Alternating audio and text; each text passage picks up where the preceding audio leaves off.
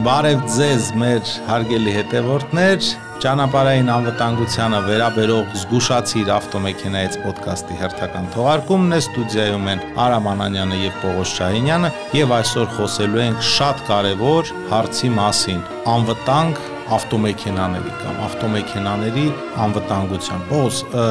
շատերին տարօրինակ է թվում, ինչ նշանակում անվտանգ ավտոմեքենա։ Դե մեքենան շարժվում է, իր ֆունկցիաները կատարում է, ամրագոտիները կան, բարձիկներն աշխատում են, էլ անվտանգ չի ինքը։ Շատ շատ լավ նկատեցիր, Արամ ջան։ Երևի շատերին ավելացնեմ, որ կարծում են, եթե մեքենան թանկ է, թանկ։ Այ եւ թանկ արժեք է ընդհանրապես անվտանգ է, եթե ամենագնացը ուրեմն անվտանգ է բայց ցավոք դա տենց չի այսինքն իմ ամենագնացը մեծ հարցական դա չի նշանակում որ դա լավն է այսինքն անվտանգ է շատ լավը կարող է լինել խնդիրը գայս է որ գիտությունը զարգանում է ինչպես նաև երկիրն է գնում առաջ եւ նոր տեխնոլոգիաները մտնում են մեր տուն հա մեր առօրյա եւ բնականաբար իշքան ավելի թար մեքենա այդքան ավելի շատ անվտանգության միջոցներ այդ մեքենայում եւ ավելի նոր մոտեցումներով բայց ստեղ էլ պետք է ասեմ կարևորը ընդգծեմ, որ եթե դուք ձեռք եք բերում նոր մեքենա, դա դեռ չի նշանակում, որ նա զինված է վերջին անվտանգության համակարգերով։ Նա ասենք համակարգերից։ Պետք է որ իմանան մարդիկ, որ կա երկու հասկացողություն, հա, անվտանգությունը կա пассив եւ ակտիվ։ Այ որոնք են դրանք։ Пассив եւ Այսինքն пассив ակտիվությունը դա օրինակ նույն ամրագոտին է կամ բարձիկն է, որոնք որ զինված է մեքենան եւ դա пассив, այսինքն վթարը տեղի ունեցավ, դա կարող է փրկել ձեր կյանքը։ Ակտիվ անվտանգության միջոցները, դրանք այն համակարգերն են, հա,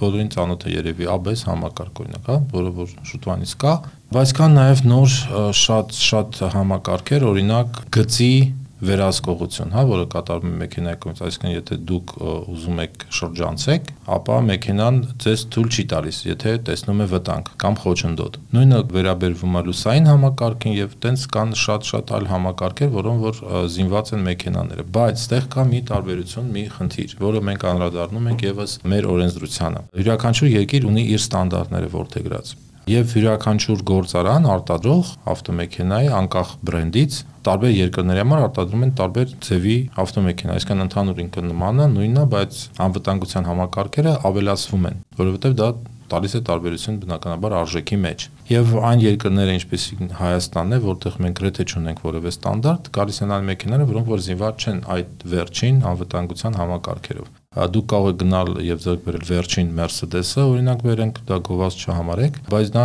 կարող է զինված չլինել այն վերջին համակարգերով, որովհետեւ այս երկիր ներմուծվող մեքենան պարտադիր պայման չի։ Այսինքն մենք անդրադառնում ենք այս խնդրին օրենսդրության տեսակետից, հա, որ մեզ պետք է բարելավել մեր օրենսդրությունը։ Սա առաջին մասը, որ կուզենայի ասել։ Երկրորդ մասը, որ բնականաբար իշքան մեքենան թարմ եւ նոր, այդքան բնականաբար եւս անվտանգ ու բնականա հաշվելով նաև այն անվտանգության համակարգերը, որի մասին խոսում էինք, բայց ամենադեպս թափ նշանակում է ոչ այդքան մաշված։ մաշվածությունը պետք է միշտ հաշվի առնենք որը ազդում է բնականաբար անվտանգությանը, որտեղ գալիս ենք եւս մեկ օրենսդրական խնդրին, կարգավորման։ Օրինակ Հայաստանում մենք խոսել ենք դրա մասին, ավտոպարկը բավականին հին է եւ երևի կարելի ասել, որ մոտ 80%-ը դա 15 տարուց ավելին մեքենաներն են եւ արդեն խոսել ենք, որ այն մեքենա, որոնք որ շատ հին են, մնում են ստեղ եւ դառնում են վերջում հայտնում են գերեզմանություն։ Հիմա ինչ պիտի անենք, որpիսի մենք մեր մեքենաներն ավելի անվտանգ լինեն ворթեգրել նոր ստանդարտներ, աշխատել մեքենաների մատակարարների հետ,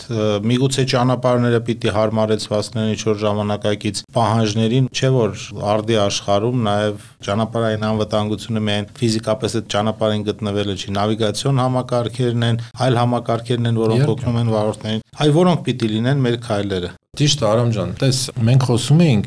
նախորդ մեր զրույցների ժամանակ ընդհանուր անվտանգ համակարգային մոտեցմանը։ Դա ինչ է նշանակում, որ ոչ միայն մենք խոս պետք է խոսենք անվտանգ ավտոմեքենայի մասին, նաև բնականաբար ավտո անվտանգ ճանապարհներից, այսինքն ներող ճանապարհից եւ մնացած ենթակառուցվածքների մասին։ Տեսեք, մենք այսօր Հայաստանը եվրո ստանդարտ երրորդն է գործում Հայաստանում,